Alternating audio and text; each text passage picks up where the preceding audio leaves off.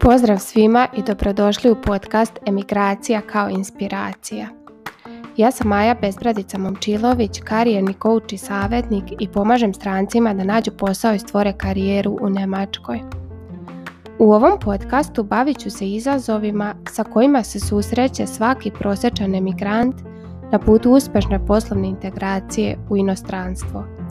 Načinima za prevazilaženje prepreka i postizanje stanja zadovoljstva sobom, poslom i karijerom.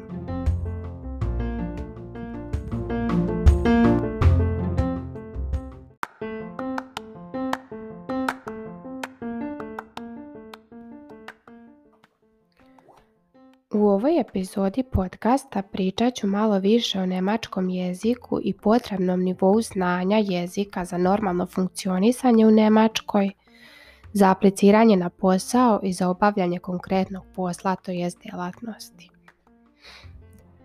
Ako još uvijek nisi došla u Nemačku i tek planiraš da se ovdje prijavljuješ na posao, sasvim logična preporuka od mene bi bila da odmah počneš sa učenjem jezika i da se paralelno pripremaš psihički za dolazak u inostranstvo.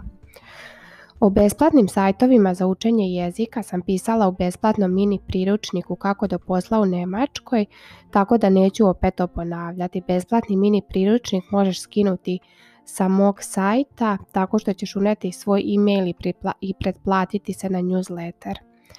Mislim da tu nema puno toga da se priča, i da novac ne treba da bude izgovor, jer kako sam već napisala u tom priručniku, postoji toliko besplatnih načina za učiti bilo koji strani jezik preko interneta, pa i nemački. Ako si u mogućnosti, tu sam uvek za opciju da upišeš kurs u školi jezika ili da nađeš privatne časove uživo ili online. Dobila sam dosta pitanja o tome koliko dobro mora da se zna jezik da bi se našao posao u Nemačkoj i da li odlično znanje engleskog jezika može da zameni nedovoljno znanje nemačkog. Svako je već vjerojatno čuo za referentne okvire koje je razvilo Veće Evrope i to se odnosi na A, B i C nivo jezika. A nivo je početni nivo sporazumevanja, E, to podrazumeva da možeš kratko da se predstaviš, da razumeš jednostavne oblike komunikacije i da komuniciraš na jednom osnovnom nivou. B nivo je dovoljan za većinu poslova, to je sa B2 nivo je dovoljan za, za veliki dijapazon poslova. Sa ovim nivou možeš da se prijavljuješ na skoro sve poslove, sem profesorskih naravno i nekih nastavničkih poslova. Medicinari također mogu da se zaposle sa B2 nivom jezika. C nivo je za one koji žele da studiraju, za savjetodavne poslove i lekari bi isto tako trebali da imaju C1 naravno psiholozi, psihijatri, da ne spominjem, to je nešto što je sasvim logično. I nakon C nivoa postoji mogućnost za one talentovane ili oni koji imaju želju da u tom smjeru dalje razvijaju svoju karijeru. Oni mogu da polažu još dodatne ispite i da se edukuju i postanu i sami profesori nemačkog jezika za strance. Zapravo dosta stranaca predaju nemački jezik u školama jezika i po mišljenju neki to rade čak bolje od Nemaca jer tačno znaju gdje stranac ima poteškoće u učenju jezika. Po mom iskustvu, što se tiče znanja engleskog jezika i mogućnosti zapošljavanja, to jeste moguće na primjer u IT sektoru ili u nekim oblastima koje nisu toliko usmerene na direktnu komunikaciju sa mušterijama. Ali čak i u super znanje engleskog jezika potrebno je barem imati taj osnovni nivo nemačkog jezika, taj na A nivo.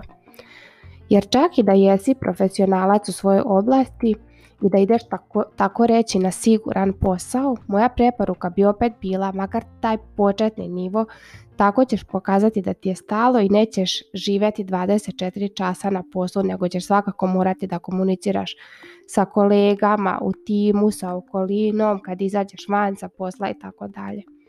Tako da, engleski može da bude plus, ali samo za početak. Nemački jezik je Nemcima logično puno, puno važniji.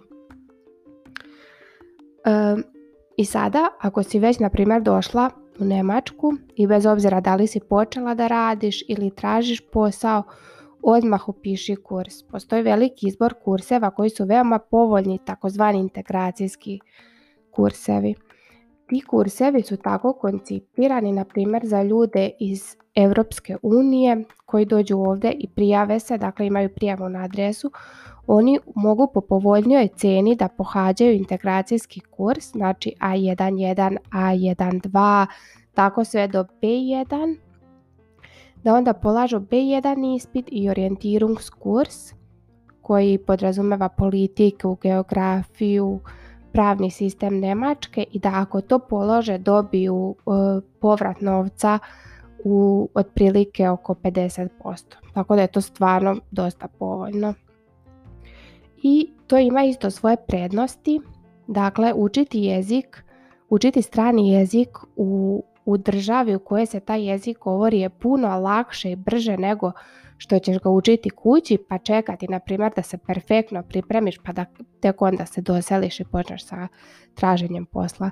Dakle, ja mislim da je najbrže baciti se odmah u vatru po dolasku, odmah upisati kurs, odmah tražiti posao i to će ići 500 puta brže, bukvalno.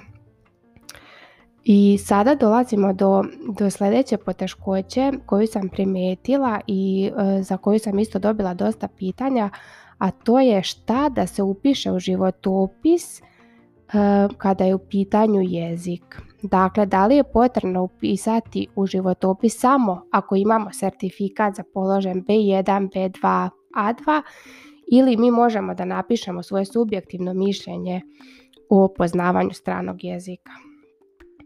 Ja mislim i toliko sam primetila u praksi da certifikat i to u kojoj ste u kojoj je neko školi položio jezik, da li je imao 85 ili 95 bodova je poslodavcu totalno nebitno.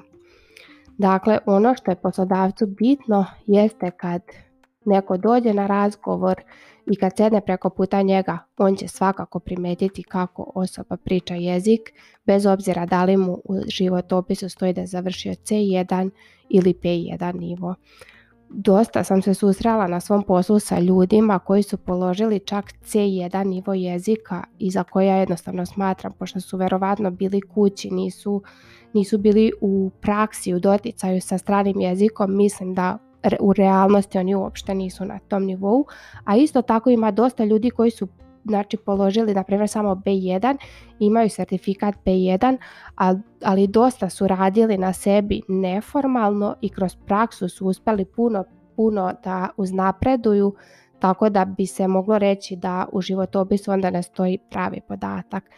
Dakle, ipak je odluka na tebi, ako želiš da napišeš u životopis napiši koji certifikat imaš ili napiši da li govoriš dobro ili veoma dobro ili tečno ili kako već to želiš da koncipiraš.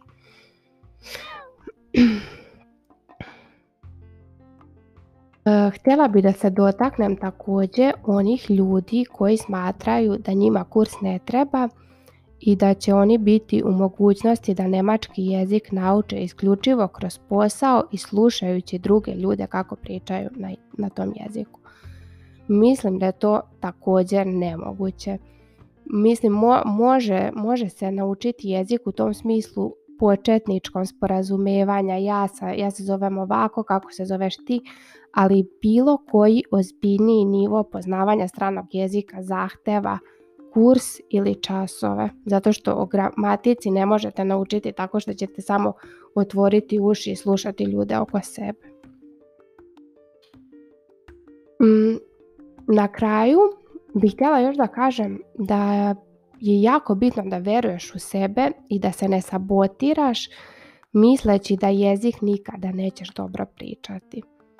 Jer u stvari na neki način to jeste istina. Mi nikada nećemo moći toliko dobro da pričamo nemački jezik ili engleski, na primjer, u odnosu na one koji su u tim državama se rodili, školovali od vrtića do fakulteta i čitav život pričaju na tom jeziku. Dakle, to je prosto nemoguće i tu ideju treba da odmah na početku odbacimo.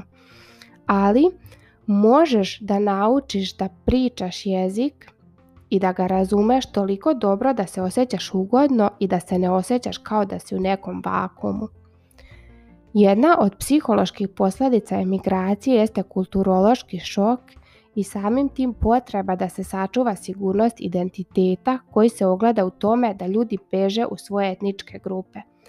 Ne žele da se druže, ne žele da komuniciraju sa strancima, kupuju hranu na primjer u eksiju marketima, druže se isključivo sa našim ljudima, rade u našim firmama i kad moraju da odu na primjer kod lekara ili u banku, onda moraju da cimaju nekoga da ide sa njima i da prevodi.